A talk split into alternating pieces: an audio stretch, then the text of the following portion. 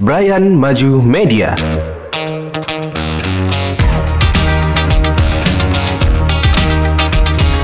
Podcast Pantura.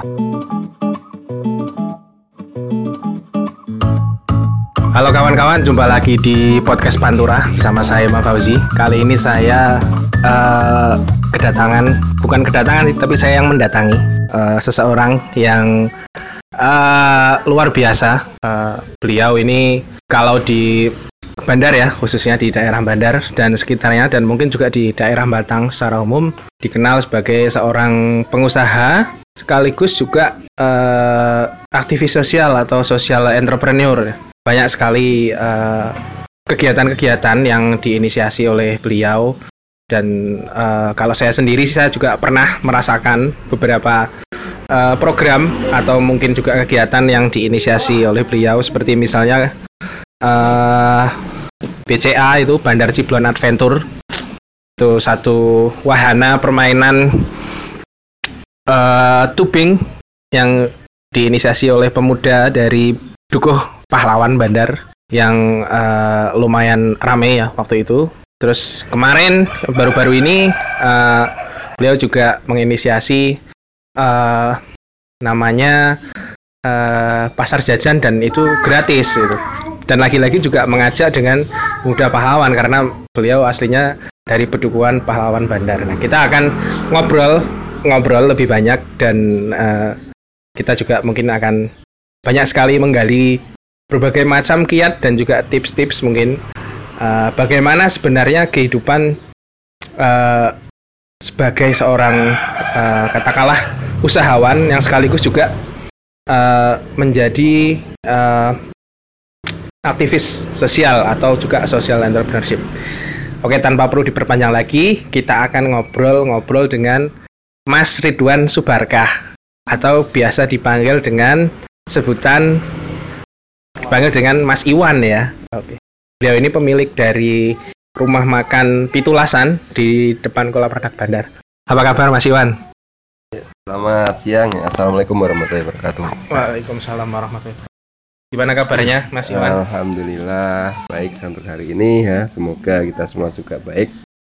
Sama buat para apa namanya ini kalau pendengar ini dari Panturaholik. Uh, Panturaholik ya semoga kita baik selalu dalam lindungan Allah Subhanahu wa taala. Oke Mas uh, Iwan, ini uh, sebenarnya uh, mungkin beberapa teman-teman Panturaholik ini pasti uh, tertarik ya. Bagaimana sebenarnya uh, awal dari Mas Iwan sendiri terjun ke dunia usaha? Karena tidak semua orang atau mungkin bagi sebagian orang untuk menekuni satu bidang usaha itu bukan sesuatu yang mudah dan banyak juga di antara teman-teman yang mungkin bertanya-tanya ada tipikal orang tertentu yang oh, kok bisa ya uh, merintis usaha dan sebagainya. Ini mungkin bisa diceritakan bagaimana awal mula uh, Mas Iwan uh, terjun ke dunia usaha. Ya, terima kasih ya. Ini sebenarnya sanjungan yang waduh luar biasa ini dari reporternya ini. Saya juga di usaha ini juga baru ya, baru sekitar uh, tahun 2015 ya, tepatnya 2015 itu baru mulai merintis usaha di bandar. hmm Kalau sebelumnya usaha itu ya kalau saya itu artinya itu saya itu buruh pabrik ya dulu. Per- pernah mas? Buruh pabrik itu It... dari ya boleh dikatakan hampir 20 tahun. 20 tahun. 20 tahun Lama itu menjadi ya? buruh pabrik. Dari pabrik satu pindah ke pabrik yang lain, dari kota besar yang satu pindah ke kota besar yang lain dari kontraktor eh kontraktor kontrakan yang satu ke ah. kontrakan yang lain jadi semacam kontraktor gitu ya oh. pindah-pindah kontrakan, kontrakan. itu seperti itu jadi uh, di tepatnya di tahun 2011 itu sudah saya artinya dari karyawan hmm. yang istilahnya kalau dibilang boleh semuanya itu harus uh, menjadi apa namanya karyawan itu kan. Semua sudah ditanggung oleh perusahaan hmm. enak ya artinya kesehatan kita ditanggung ya kan kalau ya kita cuti dibayar hmm. ya sakit juga ditanggung dibayar semuanya ya. hmm. 2011 saya itu memutuskan hal yang istilahnya yang sudah saya lakukan selama 20 tahun. Hmm. Saya berhenti menjadi karyawan dan memulai untuk apa ber- berusaha sendiri atau menjadi saya mem- bercita-cita untuk menjadi pengusaha. Nah, itu diawali tahun 2011. Padahal sudah bekerja 20 tahun Mas ya. Ya, Hampir saya, 20 tahun ya. saya sudah bekerja di uh, itanya dari tahun 2000 eh 1996. Oke. Ya. 1996 itu saya sudah bekerja di apa salah satu perusahaan Mm-mm. ya perusahaan Bonafit Jakarta ya, Hmm. perusahaan milik Pang Hmm. ya, yang ada di Jakarta. Terus tahun 2000 2000 saya pindah perusahaan ya juga perusahaan Bonafit yang ada di di, di sekitar kawasan industri di Bekasi MM 2100 sampai Hmm. tahun 2011. Hmm. Itu. Nah, itu dari uh, waktu pengalaman bekerja yang cukup lama, terus pada akhirnya memutuskan untuk uh, terjun ke dunia usaha. Itu pasti ada satu hal yang membuat, yang memicu kenapa kok uh, memutuskan untuk memulai satu usaha. Nah, bagi Mas Iwan sendiri, apa sebenarnya yang memicu Mas Iwan untuk memulai merintis usaha? Nah, jadi sebenarnya ini saya itu kalau pernah saya ketemu suatu saat itu ketemu Ustadz Yusuf Mansur. Oh Ya, gitu. Ah. Jadi begitu saya itu kan dalam keadaan yang sangat bingung, ya Hmm. saya habis keluar dari perusahaan itu, saya itu mau ngapain gitu ya, ya kan? Terus ada di lalanya ada temen yang ngajak yuk main yuk, Hmm. sowan ke Ustadz ya. Hmm. ya siapa ya pokoknya ikut aja. Akhirnya kan diajak saya ternyata Hmm. datang ke rumah Ustadz Yusuf Mansur. Nah Hmm. di situ saya datang ke situ, nah ini begitu ketemu saya menyampaikan "Oh, Ustadz saya ini masih dalam kebingungan ini Hmm. minta petunjuk lah apa gimana apa wiridan atau apalah gitu Ah. saya bilang seperti itu ya. kenapa saya baru keluar dari kerja oh ini nih ya orang yang kemakan eh, apa namanya kemakan racunnya MLM katanya Oh gitu. Kok bisa mas? ya kan lah kan sudah bekerja enak-enak kan MLM kan Ah, apa mimpi untuk menjadi pengusaha nah itu ini jual mimpi ya. kata Ustadz Kata Ustadz. Ah, Ustadz seperti itu ya itu ya Hmm. makanya ini orang yang apa namanya orang yang udah kemakan MLM ini mimpi menjadi pengusaha ini ya ya tapi dengan begitu tetap saja itu hanya mungkin bagi saya itu adalah kuran Ustadz Yusuf Mansur karena Hmm. beliau ada sebenarnya ber- ada Ustadz yang pengusaha Hmm. seperti itu Jadi waktu itu betul-betul ketemu ya secara langsung betul-betul dengan ketemu secara Yusuf. langsung ya kita banyak apa istilahnya banyak saya sendiri banyak mendapat pengalaman dari Ustadz Mansur Hmm. bagaimana untuk menjadi apa membes bisa membesarkan hati ya, Hmm. bagaimana bisa menjadi pengusaha karena menjadi pengusaha itu yang mem- yang itu tadi saya benar-benar meng- mengawalinya dari bukan hanya dari nol tapi Hmm. dari minus dari minat. dari minus untuk menjadi pengusaha saya Hmm. belajar ya segala hal saya pelajari ya nah itu dia apa namanya karena ketidaktahuan segala hal dipelajari akhirnya banyak tahu akhirnya banyak gagal Hmm. itu seperti itu Hmm, gitu. jadi tidak fokus di satu Tidak titik fokus titik. itu seperti itu Kalau sekarang kan kita tahu eh, Mas Iwan ini kan eh, beliau kan eh, pemilik ya dari rumah makan Pitulasan. Tapi yang belum kita saya sendiri tahu dan mungkin juga teman-teman eh, yang mendengarkan podcast ini juga mungkin belum tahu adalah usaha apa yang sebenarnya dilakukan pada saat pertama kali terjun memutuskan untuk keluar dari eh, perusahaan. Itu apa, Mas? Oh. Jadi selama saya di perusahaan itu kan saya Hmm. punya hobi yaitu fotografi. Oh. Nah, nah itu begitu saya keluar itu yang saya pegang pertama itu fotografi. Oh. itu saya kenalan banyak kenalan sama teman-teman di sana ya.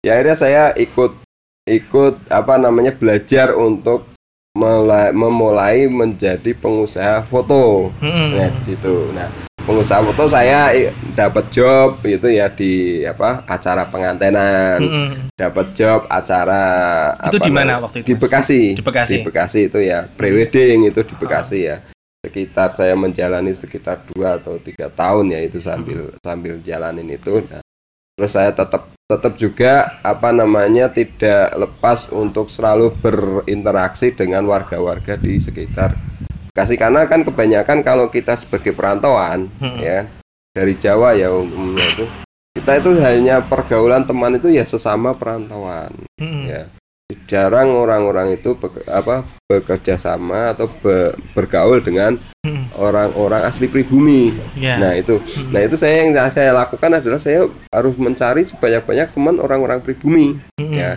nah karena saya itu aktif di organisasi Mm-mm. ya kan waktu di maksudnya masih di perusahaan juga aktif di organisasi nah ketemulah dengan teman-teman LSM ya lingkungan hidup di Mm-mm. situ nah saya juga aktif di situ ling- di lingkungan hidup nah terut- terutama nah itu itu waktu itu namanya sampai hari ini juga masih ada teman-teman Hmm. di lingkungan hidup itu aktivis yaitu LKL Mm. ya namanya lembaga kajian lingkungan hidup Mm. Itu di Bekasi, Di Bekasi. Ya, itu seperti itu jadi saya tetap aktif lah berorganisasi walaupun Mm-mm. harus apa eh, tetap harus menghidupi keluarga dengan Hmm. itu seperti Waktu itu. itu sudah berkeluarga mas? sudah saya Sudah. sudah, saya Hmm. berkeluarga tahun alhamdulillah tahun 2002 2002. jadi Itu saya- waktu masih di pabrik atau? Nah, masih di perusahaan, di Oh, pabrik perusahaan. saya udah berua- berkeluarga ya, istri saya Hmm. kerja, anak apa istri saya kerja ya kerja istilahnya. Yaitu ah, tahun 2005 2011 itu kami memutuskan ya Mm-mm. keluar ya saya di Hmm. bulan Mei, istri di bulan Oktober. Jadi Mm. keluar semuanya. Oke. Itu Ah. seperti itu. Jadi benar-benar waktu Hmm. itu juga istri mulai berusaha apa namanya belajar bisnis ya Mm-mm. dengan menjual berjualan berjualan baju atau Hmm. pakaian yang apa pulaannya itu di mana Tanah Abang Mm-mm. Nah, jual dari apa beli Tanah Abang nanti dijual di komplek ya perumahan-perumahan itu. Teman-temannya juga online juga mus wis Hmm. belajar online lah waktu itu ya. Tahun 2011 itu. Nah itu dari situ kami juga mulai mulai merintis ya. Merintis walaupun ya kita namanya usaha itu tidak sekali itu berhasil. Itu seperti itu. Nah, Jadi waktu itu pertama kali foto ya? fotografi, fotografi. ya Ah. fotografi itu sampai hari ini ya. Maksudnya kenang-kenangan kamera itu sayang sekali untuk saya apa ya banyak teman-teman yang Oke. meminta itu tepat tapi kok mau dibeli mau apa itu masih adalah kenangannya Mm-mm. biar Iya. biarlah menjadi kenangan katakan seperti itu Jadi waktu itu eh artinya memulai usaha tapi masih di di Bekasi artinya di perantauan Mas ya. Mm-mm, masih di Masih di perantauan. perantauan. Nah, eh apa yang membuat Mas Iwan Mm. eh, di perantauan memulai usaha? Lalu eh, setelah itu memutuskan lagi untuk sama-sama memulai usaha tapi di eh, di daerah asal ya. Hmm. Artinya di daerah asal. Apa Mas? Eh, sebenarnya kan gini, apa namanya kan di dunia fotografi yang saya gelutin itu kan Ya. terbentur dengan permodalan lagi. Hmm. Artinya permodalan itu alat yang saya pakai itu sudah apa namanya? Sudah agak sudah agak kuno lah walaupun Hmm. sudah digital ya. Hmm. Sudah mulai digital. Nah, itu mulai perkembangan alat-alat sudah bagus. Sementara Hmm. eh, job yang saya terima itu mulai menurun.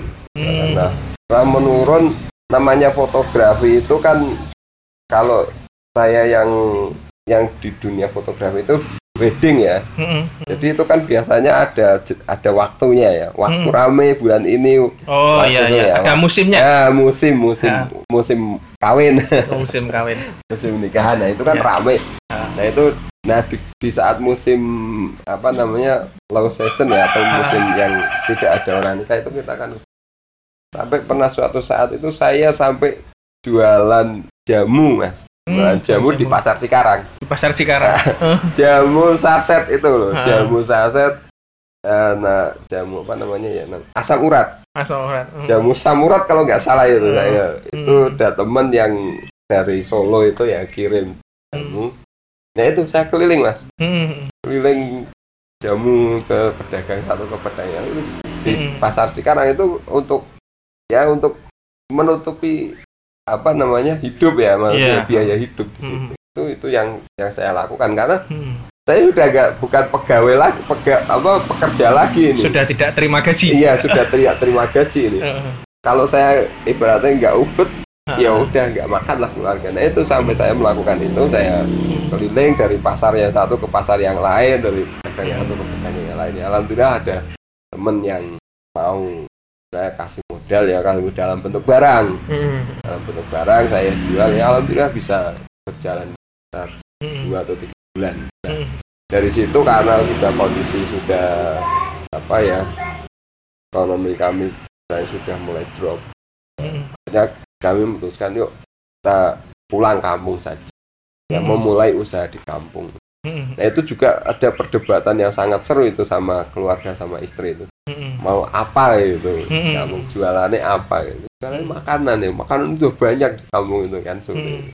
ya tapi kan ada ide-ide yang belum ada di sana itu yaitu eh, kita menciptakan satu ide itu makanan yang Hmm. bukan kalau kebanyakan waktu itu di tahun sekitar tahun 2015 Banter itu belum Hmm. ada makanan yang apa namanya pesan terus baru dipak dimasakkan Ah. biasanya kebanyakan masakan yang siap saji Siap. Nah, nah, itu kita memulai dari situ hanya kita bikin ya tahun Hmm. 2015 aset yang ada di Bekasi kita jual semuanya Hmm. termasuk rumah segala macam Hmm. ya kita jual kita pindah semuanya ke Hmm. kampung ini nah kita memulai dan membuka satu usaha yaitu ya itu tadi rumah makan di Hmm. Tulasan Dan memang waktu itu pertama kali ya Mas ya. Karena kalau saya melihat waktu itu karena saya juga kebetulan kan Hmm. mengamati juga Mas. Memang di sekitar Bandar ini memang belum ada dan Pitulasan memang memang yang pertama sebelum sebelum Bandar mulai rame jalur wisata ke mana? Ke Kambangan, ke itu kan memang pertama kali ya. ya memang betul Hmm. Eh, Pitulasan itu memang konsep ya karena ini juga salah satu apa ya hasil dari renungan wis renungan Ya. Artinya kan dari dulu itu memang saya suka itu kuliner jalan-jalan makan ya itu seperti Hmm. itu nah ini konsep ini memang saya adopsi yang ada di sekitar Jawa Barat ya Hmm. Jakarta itu karena Hmm. ya itu seperti itu kita bikin konsep oh lesehan lesehan ya kan terus kenapa kok kita ambil nama Pitulasan Hmm. Ya, Nah, itu itu. kenapa Mas? itu juga pertanyaan selanjutnya itu. Kan sebenarnya mau tanya dulu Iya. Pitulasan itu kan sebenarnya kan ya itu tadi dari hasil perdebatan dengan istri apa yang bisa lain daripada yang lainnya kita Hmm. bikin ayam goreng aja ayam goreng nah banyak sudah banyak ayam goreng kok gitu Hmm. keluarga kami kan dari istri ya terutama itu banyak yang sudah berjualan ya Hmm, di iya. situ ada nasi goreng ada ayam goreng lah Dan lumayan Nah, dikenal. kok ntar nyaingin loh ya. oh Ah. enggak kita bikin konsep yang lain gitu, seperti itu nah itu seperti itu saya mikir bahan satu yang bisa diolah menjadi banyak itu apa kan seperti itu ya Hmm. ketemulah ayam kan, Hmm. seperti itu ayam udah saya googling kan kira-kira ada berapa ratus nih mak olahan makanan yang bentuk Hmm. ayam ternyata memang luar biasa apa eh, sajian makanan Nusantara itu ternyata itu saya sampai googling itu bisa mendapatkan itu sekitar 34 atau 35 macam olahan ayam Hmm. itu luar biasa ini ayam dari ayam saja itu sangat Hmm. tapi kami apa saya coba me- tidak bisa untuk semuanya tapi saya coba bikin eh, satu apa namanya sat- satu makanan yang bisa khas orang bisa ng- nginget terus gitu Ha, ha, ha. Nah makanya saya bikin pitulasan kok Hmm. pitulasan. Nah dari pitulasan itu karena itu tadi dari 35 macam olahan ayam itu saya pangkas menjadi 17. 17. Ya, 17 macam olahan 11 ayam. macam Mm-mm. ayam. Terus 17 macam olahan ayam. Hmm. Terus saya bikin lagi wah pitulasan berarti ini bagus nih konsepnya. Hmm. Pitulasan itu ya berarti Hmm. udah ketemu 17 berarti. Saya cari lagi nih biar bukan hanya ayam dok ya. Hmm. Apa ya? Oh bebek ya berarti bisa. Oh bebeknya bisa. Hmm. Terus apalagi nih yang bisa di Hmm. di istilahnya dibikin konsep pitulas itu. Hmm. Oh sambelnya. Hmm. Oh ternyata sambel itu malah banyak lagi di Nusantara Banyak ini lagi. sambel itu wah luar biasa macam-macamnya Hmm. ya kan sambel-sambel itu macam-macam ya kita pangkas lagi kita ambil yang paling populer lah di Hmm. di lidahnya orang Jawa itu 17 macam sambel Hmm. ya seperti itu. terus apalagi nih minumnya minumnya apa oh jusnya ini kayaknya buah-buahannya Mm-mm. ternyata ya juga luar biasa buah-buahan untuk dibikin jus itu ya banyak ragamnya Hmm. di Hmm. ini di Indonesia ini ya kita ambil pangkas 17 yang kira-kira banyak suplai buah-buahan yang ada di wilayah Bandar ini. Bandar. Nah itu ter- konsep pitulasan itu seperti itu se- secara apa lahir apa secara fisiknya itu Hmm. seperti itu. Nah Hmm. kalau secara batiniahnya itu ya Hmm. ini sebenarnya ya dari salah satu teman ustadz saya mengatakan oh Mm-mm. jenengan kok gawe konsep jeneng kok pas temen ya gitu. Mm-mm. Lah pripun sih Nggih. pitulasan iki pas sesuai dengan apa yang harus kita kerjakan sehari semalam. Mm-mm. Ah, Ya. Tadinya saya itu oh Mm-mm. napa nggih nggih leres niku napa Nggih. Nggih, Cobi di dipun Mm. anu ditang subuh dua, Mm-mm. Zuhur empat, Mm-mm. asar empat, maghrib tiga, isya empat. Itu Mm. dihitung mau nek mboten pitulas waktune. Oh, Oke. ya oh, cocok berarti. Mm. nah itu Ya, jadi ada ada tambahan tambahan ya tambahan tambahan makna ya. tambahan makna ya Mm. seperti itu ya. Itu makanya ya insya Allah ya itu makna yang terkadang Mm. itu bisa bisa lebih bermanfaat lah sesuai dengan apa yang memang saya mencita-citakan dari dari awal ya dari Hmm. awal itu saya bikin konsep itu biar apa ya namanya biar bermanfaat untuk orang banyak tadinya Hmm. saya juga punya cita-cita seperti itu mimpi saya itu seperti itu Mm. mimpi saya saya berdoa selalu berdoa ya Allah berikan saya satu usaha yang bisa mendatangkan manfaat bagi orang lain Mm. bagi orang lain bukan hanya satu dua orang, tapi bagi orang banyak orang lain Mm. ya itu seperti itu Alhamdulillah itu dijawab oleh Allah. Yang tadinya saya mikir saya akan punya perusahaan satu punya usaha yang karyawannya banyak gitu ya ternyata jawaban Allah itu oh dibikin usaha-usaha yang lain yang bisa membawa manfaat bagi orang lain Iya. dan akhirnya bertumbuh kan hari sampai hari ini bertumbuh Hmm. dengan konsep yang hampir sama ya kan Mm. Ma- rumah makan rumah makan rumah makan yang ada di sekitar wilayah Bandar ini Ya, alhamdulillah ini adalah ya saya bersyukur ya begitu ya. Oke. Ya, Ya, paham. maksudnya ya, paham ya. nah itu ternyata Allah Artinya menginspirasi Eh, orang lain untuk itu untuk- yang awalnya saya berpikir Usaha wah, Allah akan memberikan Oh, iya. banyak apa usaha yang besar kepada saya dengan Ah. banyak karyawan Ah. saya ternyata itu Allah memberikan hal yang lain Iya. artinya doa saya untuk bisa bermanfaat bagi orang lain. Itu dijawab benar-benar dijawab oleh Allah gitu kan seperti itu. Padahal selama ini kan kalau kita khususnya orang Jawa Hmm. berpikir pitulasan itu ya pasti kaitannya dengan 17 Agustus mas. Nah, itu. lomba-lomba terus upacara itu. Padahal berarti ini pitulasan itu eh mak- maknanya tadi ya ber- 17 jenis masakan terus juga 17 makna tadi makna batiniahnya. Iya. gitu dan eh, ternyata bahkan bisa dibilang eh, mungkin ya nggak nggak kepikiran juga kalau pitulasan itu maksudnya 17 Agustus gitu ya. Nggak- atau mungkin ada hubungannya? Nggak ada sama sekali nggak ada sama sekali. Saya Hmm. berpikir untuk apa namanya pitulasan itu bermakna 17 Agustus itu nggak ada sama sekali. Mm, karena ya itu konsep awalnya itu cuman itu aja. Mm, membuat satu konsep yang mm, belum ada dan bisa mudah di apa namanya satu brand ya yang mudah di, diingat oleh Diingat. orang.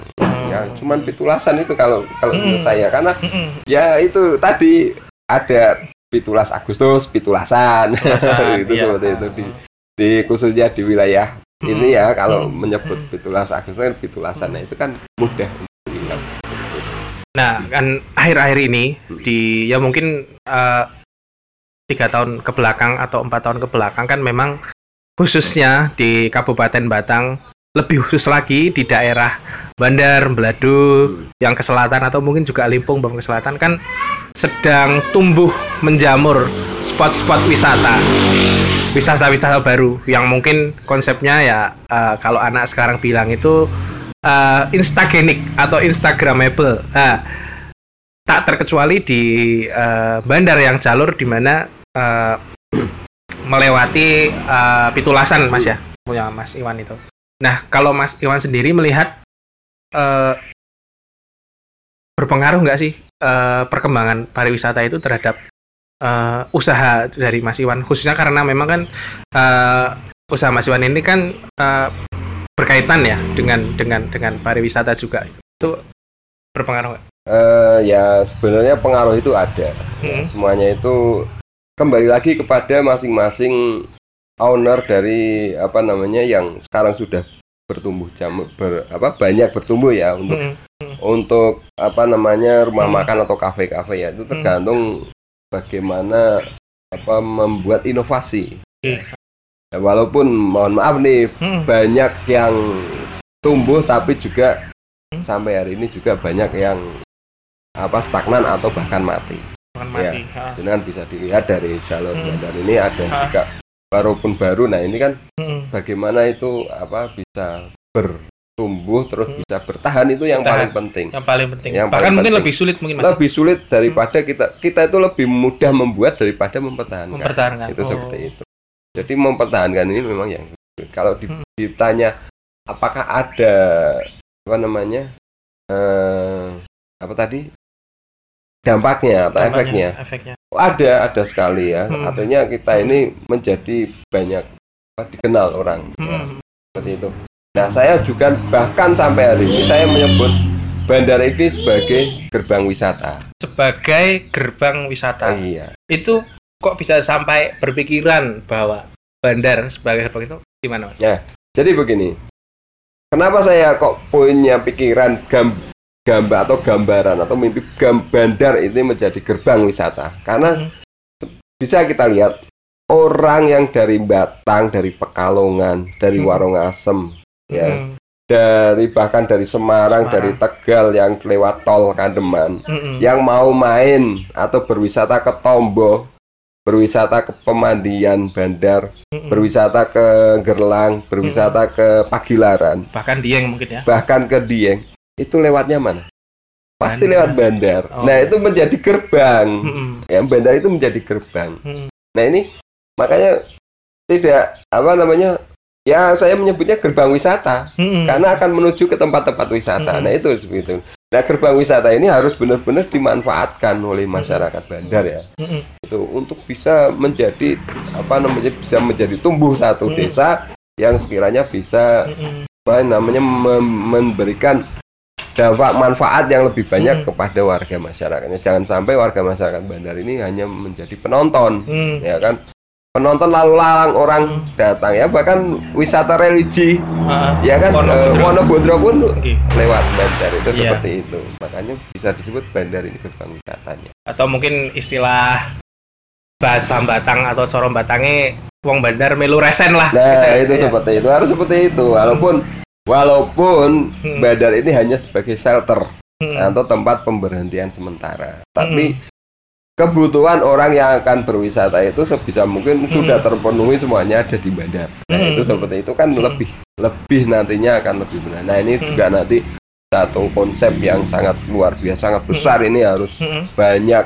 me- apa namanya melibatkan peran aktif ya banyak Hmm. dari masyarakat pemuda bahkan pemerintah desa mm, itu harus dilibatkan secara aktif ya untuk Mm, untuk bisa mewujudkan uh, Hmm. menjadi bandar ini menjadi gerbang wisata. mm. Oh iya. Eh ya ini tadi berkaitan dengan eh, pariwisata juga ya. Kalau tidak salah kan dulu eh, di dekat eh, warungnya Mas Iwan Hmm. atau juga mungkin di kampungnya Mas Iwan ya. Asalnya kan dari Palawan juga sebenarnya ya, asal aslinya ya. Hmm. Itu kan eh, kalau tidak salah karena saya dulu bawa teman dari Semarang itu untuk liburan katanya pengen liburan ke mana ke Batangas ya udah terus akhirnya saya punya temen namanya ya Skor Mas ya Skor yang menawarkan tubing bandar Ciblon Adventure dan itu kan setelah saya tanya-tanya ke Yaskurnya ternyata kok Mas Iwan juga ikut terlibat dalam inisiasi idenya. Itu eh, tadi kan diungkapkan bahwa bandar adalah gerbang wisata. Nah kalau bandar sebagai destinasi wisata sendiri itu sebagai bagaimana mas? Kalau menurut Mas Iwan? Kalau bandar sendiri ya Hmm. itu untuk jadi untuk terutama untuk di wilayah desa ya. desa Kita desa bicara bandar daerah desa bandar sendiri ya. iya Karena kalau bicara soal wilayah kecamatan itu kan Hmm. ada tombol. ada tombol Iya. ya ada Wonokerto yang punya Wonokerto. kolam renang pemandian renang. ya kan Hmm.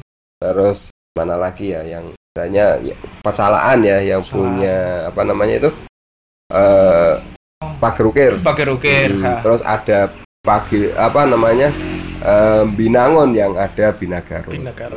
Untuk Bandar sendiri ini ya kan sebenarnya ada potensi wisata yang belum kelola Hmm. ya kalau saya melihat karena saya sudah biasa bermain adanya di apa, di air ya istilahnya kita Hmm. bermain tema- teman-teman itu di air mengelola apa wisata air Hmm. ya itu satu salah satunya yaitu tadi tubing ya Hmm. tubing itu permainan di air Hmm. menggunakan ban dalam itu ban dalam mobil terus ada lagi satu wisata yang harus sebenarnya masih bisa dikembangkan lagi yaitu wisata air yaitu kolam sel- selfie ya atau Hmm. kolam akan dibikin kolam renang Hmm. itu sebenarnya ada satu lahan yang yang lokasinya notabene di wilayah desa Bandar sendiri. itu, nah, itu. Hmm. sebenarnya nah ini makanya tadi bilang saya bilang ini perlu adanya kerjasama ya Hmm. dari pemuda dari masyarakat Hmm. dan bahkan dari pemerintah desa itu sendiri Hmm, untuk bisa menciptakan satu wahana wisata yang ada di Hmm. bandar yang mungkin bisa menjadi ikon Hmm. nah, ikon Hmm. untuk bandar sendiri dan mungkin juga dapat eh, apa namanya dapat rembes rembesan juga ya eh, apa namanya eh, pariwisata yang berada di selatan gitu mungkin Iya betul. Nah, itu kan maksudnya untuk akses akses jalannya pun itu masih satu jalur untuk menuju wisata yang ada di se- apa sekitaran Gerlang ya, Gerlang. Kambangan ya, ada nama- apa namanya Eh, wisata Sekembang. Nah, Sekembang. itu, nah, itu masih masih satu jalur. Jadi untuk menuju tempat apa namanya wisata yang akan kita kembangkan ya ini ini sudah sudah kami konsep ya Hmm. dari awal sama pemuda sama apa Hmm. namanya warga di Hmm. sekitar wilayah apa pahlawan ini kita sudah mengkonsep ya Hmm. untuk mengembangkan wisata air ini Hmm. ya insya Allah Hmm. insya Allah kita mulai tahun depan lah ya insya Allah Hmm. tahun depan kita akan mulai Hmm. apa namanya pembangunan wisata ini ya doanya dari teman semuanya Hmm. Jadi apa namanya konsep yang ada ini akan kita jadikan ikon ikon Hmm. untuk wisata di Desa Bandar ini. Hmm. Oh ya, Eh, Mas Iwan kan juga selain menekuni eh, usaha atau di dunia bisnis gitu masalah ya. Eh, Mas Iwan juga eh, aktif dalam kegiatan sosial. Salah satunya mungkin tadi di kegiatan kebudayaan yang eh, tadi menginisiasi Bandar Siblon Adventure juga terus mungkin juga seperti yang terakhir itu pasar jajan itu pasar jajan gratis itu kan. Nah, eh, mungkin bisa diceritakan Mas bagaimana sebetulnya mengatur karena mungkin ini jadi pertanyaan semua orang juga. Biasanya kan karena eh, orang yang eh, terjun ke dunia usaha pasti dia cenderung untuk susah untuk eh, apa terjun di aktivitas sosial atau mungkin sebaliknya orang yang banyak terjun di aktivitas sosial dia pasti akan susah juga mungkin eh, mengelola usaha yang punyanya sendiri. Bagaimana Mas Iwan mengatur hal itu? Eh, ini ya seperti ini jadi eh, bagaimanapun juga itu saya tetap keluarga itu nomor satu Mm-mm. ya keluarga nomor satu artinya ya pokoknya bukan berarti waktu itu harus untuk keluarga keluarga itu nomor satu harus diutamakan nah Mm-mm.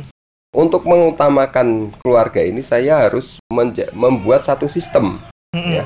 agar se- keluarga ini tidak terlantar ketika aku harus harus melakukan kegiatan di luar Mm-mm. ya seperti itu ya nah makanya dengan saya membuat rumah makan Pitulasan itu sistem dulu yang saya bikin Mm-mm. ya kan sistem saya bikin jadi ketika nanti sistem ini sudah berjalan apa namanya orang lain sudah bisa menjalankan sistem ini ini bisa sudah saya bisa tinggal tinggal ke mana Mm-mm. saya tinggal membuat apa apa melihat laporannya ya Mm-mm. kan itu karena semuanya sudah tersistematis Mm-mm. nah itu seperti itu Mm. nah makanya kalau semuanya sudah tersistematis tinggal menjalankan saja Mm. ya kan kita tinggal mengawasi apa Hmm. kekurangannya ya kan terus apa namanya kiranya yang harus diperbaiki di belah, sebelah mana sebelah mana itu Hmm. makanya apa harus berjalan di awal awal periode pertama saya membuat ini Hmm. hampir satu tahun itu saya nggak keluar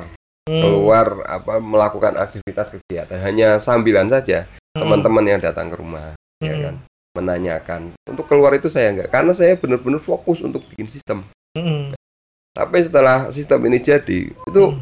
udah saya tinggal ke mana pun Hmm. sudah berjalan itu Hmm. intinya seperti itu Hmm. karena saya punya uh, dari dulu ya kan saya saya nggak bisa kalau saya harus tinggal hanya di rumah saja Hmm. Hmm. kan harus selalu aktif ya, di luar agar eh, namanya makanya ketika saya punya usaha harus usaha ini harus benar-benar jalan dulu baru Hmm. bisa saya itu sistem dulu yang saya saya utamakan tetap Hmm. sistem dulu Hmm.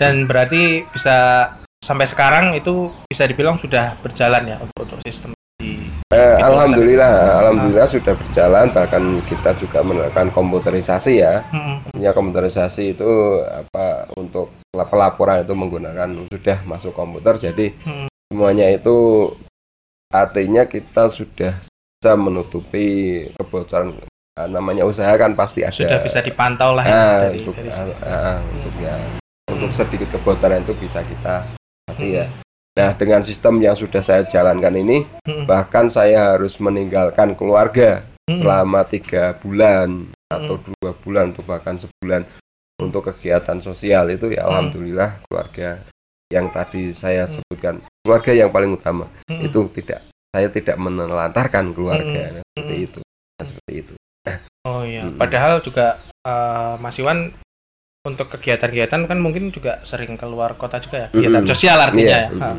ya selain itu kan saya juga menjadi relawan ya Hmm. relawan itu di relawan kemanusiaan Hmm. jadi saya ketika ada tugas di luar Hmm. sampai keluar pulau Jawa pun Hmm. ya ketika saya siap untuk diberangkatkan ya Hmm. saya berangkat ya untuk Hmm. untuk tahun-tahun kemarin ya tapi Hmm. untuk tahun-tahun ini ya apa namanya karena ada hajat Hmm. untuk menjadi penjaga desa Hmm. penjaga desa Hmm. saya fokuskan Hmm. dulu satu titik dulu biar Hmm.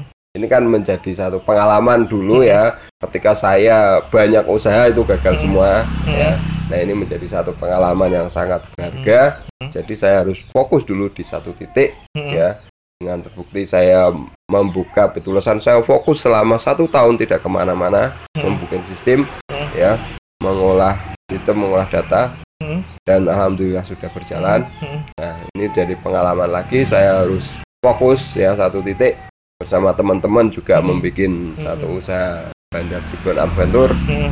ya terus ya pokoknya intinya satu titik dulu berhasil baru Hmm. pindah ke titik yang lain Hmm. berhasil baru pindah ini satu pengalaman yang Iya. saya mungkin bisa apa jadi share ya buat Hmm. teman-teman semuanya Hmm. ya bahwa itu itu yang paling utama kejar dulu satu titik ini Hmm. setelah sudah selesai baru Hmm. apa kerjakan di titik yang lain ngomong-ngomong tentang hajat menjadi penjaga desa ini mas Nah, saya juga mendengar bahwa eh, Mas Iwan eh, juga eh, di Pilkades khususnya di Desa Bandar ini kan eh, juga berencana atau sudah mendaftar mas? Sudah. Sudah mendaftar ya menjadi calon kepala desa. Yang mungkin tadi Mas Iwan sebutkan sebagai penjaga desa tadi ya. Nah, eh, apa sebenarnya yang memotivasi eh, atau yang memicu Mas Iwan untuk mengambil keputusan itu? jadi ya untuk menjadi apa namanya uh, pil apa namanya sebagai penjaga desa saya nyebutnya ini ya Hmm.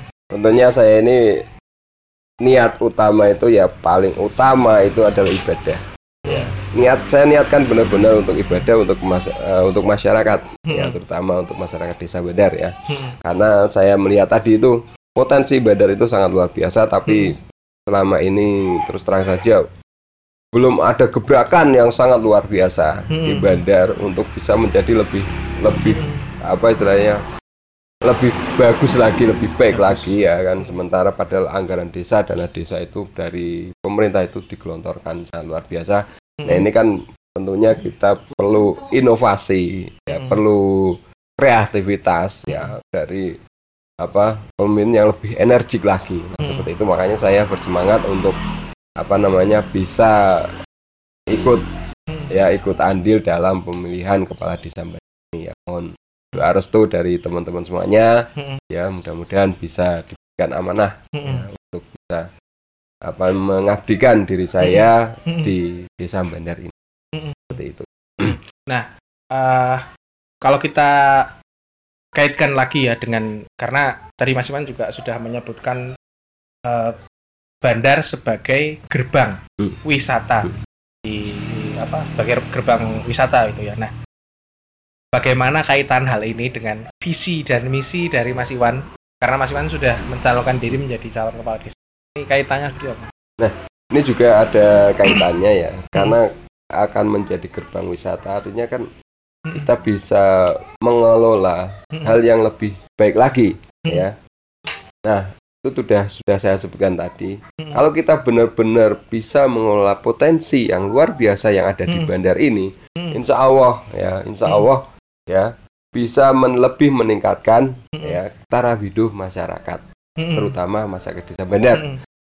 contohnya Mm. contohnya desa bandar itu punya pasar Ya. bukan hanya pasar biasa pasar tradisional tapi ada namanya pasar pisang Ya. pasar gedang nah ini sebenarnya salah satu-satunya pasar pisang yang terbesar di wilayah Kabupaten Batang Baru tahu saya, Mas. itu Ah. coba jenengan keliling ke mana-mana itu di Kabupaten Batang itu nggak ada pasar gedang sebesar Bandar Hmm. itu. Ya. Nah, gedang yang ada Bandar ini, ini kan yang beli ini kan dari luar daerah, luar daerah ya. Ada Hmm. yang dari Semarang, ada dari Hmm. Tegal, bahkan sampai dari Bandung Hmm. dan sampai Lampung. Hmm. Lampung itu ada yang nyari pisang sampai ke sini, Hmm. ke Bandar. Nah ini, Hmm. ini sangat potensi yang sangat luar biasa. Artinya Hmm. potensi yang melimpah sebenarnya pisang Hmm. yang ada di Bandar ini. Hmm. Nah ini pun juga baru apa namanya dijual dalam bentuk pisang ya belum diolah lebih baik lagi padahal Artinya kan masih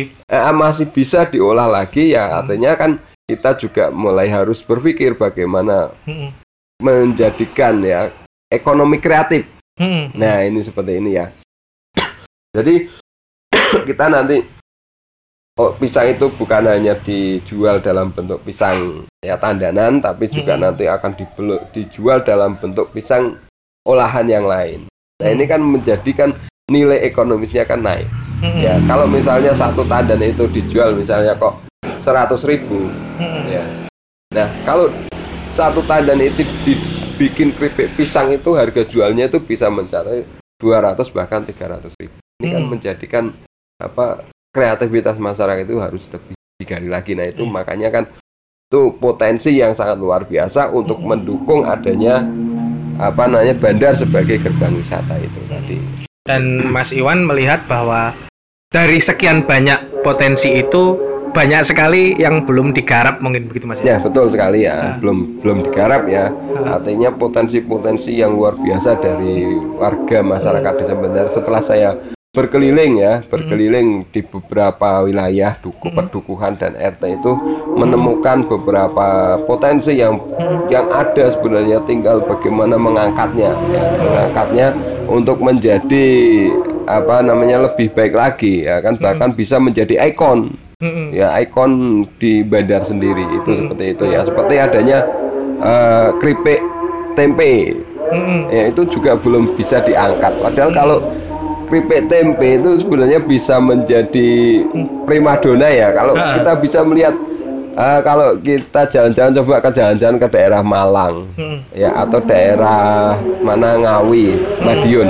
Mereka itu mengemas keripik tempe itu dengan dus yang sangat luar biasa, Hmm. ya kan?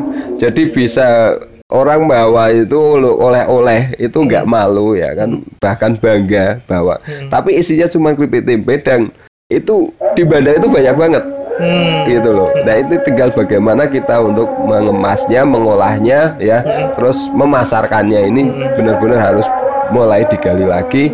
Jadi saya sangat optimis, sangat optimis Bandar akan lebih baik lagi ya. Kalau kita benar-benar bekerja sama bergotong royong untuk apa menjadikan satu Bandar menjadi desa yang lebih maju lagi. Nah, seperti itu. Terakhir ini Mas, dan ini juga menjadi semacam pertanyaan semua orang karena ini agak sensitif tanpa bermaksud mendiskreditkan uh, yang lain dan juga mengkampanyekan diri sendiri. Bagaimana pandangan Mas Iwan terhadap politik uang? Ini kan karena uh, saya bisa dibilang hampir semua pilkades, apalagi di wilayah Kabupaten Batang ini hampir semuanya ada politik uang. Nah, Mas Iwan sendiri melihat gimana? Nah, nah ini ya. Jadi uh, sekaligus saya sampaikan kepada teman-teman semuanya ya, hmm. bahwa pemilihan kepala desa itu harus dibedakan dengan pemilihan-pemilihan yang lain. Hmm. Contohnya pemilihan legislatif, pemilihan bupati atau gubernur, bahkan pemilihan presiden. Hmm. Karena kita milih kepala desa itu milih orang yang hampir setiap hari itu bisa ketemu. Hmm. Ya, milih orang yang hampir setiap hari itu bisa dimintain tolong. Hmm. Ya kan dalam hal pemerintahan ya dalam hal kegiatan sosial. Hmm. Artinya kita milih itu milih bapak di rumahnya sendiri hmm. ya. Karena kepala desa ini juga yang akan membangun desanya sendiri. Hmm. Lah, kalau kepala desa itu sudah dibebani dengan anggaran ya saat pencalonan hmm. ya, artinya saat apa pencalonan harus nembak atau membeli suara hmm. ya kan dengan habis misalnya anggaran 300 juta 400 juta artinya pem, apa kepala desa ini dibebani hmm. ya dibebani hutang ya hmm. terus dana yang dikelola oleh desa itu rata-rata untuk di wilayah Kabupaten Batang itu sekitar 1,6 miliar hmm. nah itu lah kalau sudah dibebani seperti itu apakah tidak menutup kemungkinan bahwa apa yang sudah dia keluarkan itu akan diminta kembali. Ya itu seperti itu ya. Nah, contoh, sebagai bahan pertimbangan yang lainnya ya, bahwa gaji kepala desa itu untuk wilayah kabupaten itu uh, setara PNS golongan 2 Ya. Berapa itu mas? Kalau dirupiahkan itu sekitar dua juta tujuh ratusan hmm. satu bulan. Hmm. Nah, padahal penerimaannya itu enam bulan sekali hmm. ya kan terus kalau di wilayah bandar sendiri bengkok yang ada itu kemarin disampaikan hmm. itu kalau dijual bengkoknya artinya hmm. disewakan hmm. itu sekitar pendapatnya cuma 17 juta 500 nah bisa dihitung hmm. ya 2 juta 700 sebulan ya dan 17 juta 500 per tahun. Kalau dijumlah padahal dia sudah mengeluarkan anggaran hampir 300 400 juta hmm Nah, mau mengembalikan dari mana? Hmm. Nah, itu seperti itu. Nah, ini artinya yuk kita bareng-bareng cari pemimpin yang sesuai dengan hati nurani. Hmm. Ya, jangan hanya terfokus dari berapa dia memberikan hari ini. Ya, lima puluh ribu, lima puluh ribu kalau dibagi enam tahun itu sehari itu cuma dapat nggak ada lima rupiah. Nah, itu padahal apa namanya uh, kalau tanpa adanya politik uang itu hmm. insya Allah ya apa kepala desa itu akan benar-benar bekerja siapa pun dia ya, yang jadi mas. siapa pun dia yang jadi hmm. tanpa politik uang dia akan merasa berterima kasih dan bekerja dengan semaksimal mungkin ya hmm. mengelola anggaran yang sudah disampaikan ya hmm. dari pemerintah pusat ya artinya dia akan melaksanakan amanah ya amanah dari pemerintah pusat untuk mengelola anggaran itu benar-benar disampaikan kepada masyarakat desa. Hmm. itu seperti itu ya karena dia tidak ada beban, hmm. tidak ada beban hutang, hmm. ya hutang untuk apa namanya membeli suara. Itu seperti itu ya. Itu uh, itu uh, gambaran dari saya ya tentang politik uang di pilkades ya khususnya. Jadi sekali lagi pilihlah kepala desa yang akan menjadi bapak kita setiap hari yang akan membangun desa kita rumah kita ya. Ya kan rumah kita desa kita itu sesuai dengan hati nurani. Ya jangan memilih kepala desa yang hanya membeli suara karena suara dari warga desa itu harganya itu tidak bisa terbeli. Tidak bisa terbeli. Ya harganya itu sangat mahal sangat kalau menurut saya. Iya seperti itu. nah. uh, oke Mas Iwan ini terima kasih sekali ya, atas sama-sama. waktunya sudah mau berbagi dengan teman-teman podcast Pantura dan kami mengucapkan uh, terima kasih dan selamat berjuang juga untuk usahanya untuk menjadi penjaga desa ini semoga sukses. Amin. Sekali lagi terima kasih Mas Iwan. Dan untuk teman-teman sampai jumpa di podcast berikutnya. Wassalamualaikum warahmatullahi wabarakatuh. Brian Maju Media.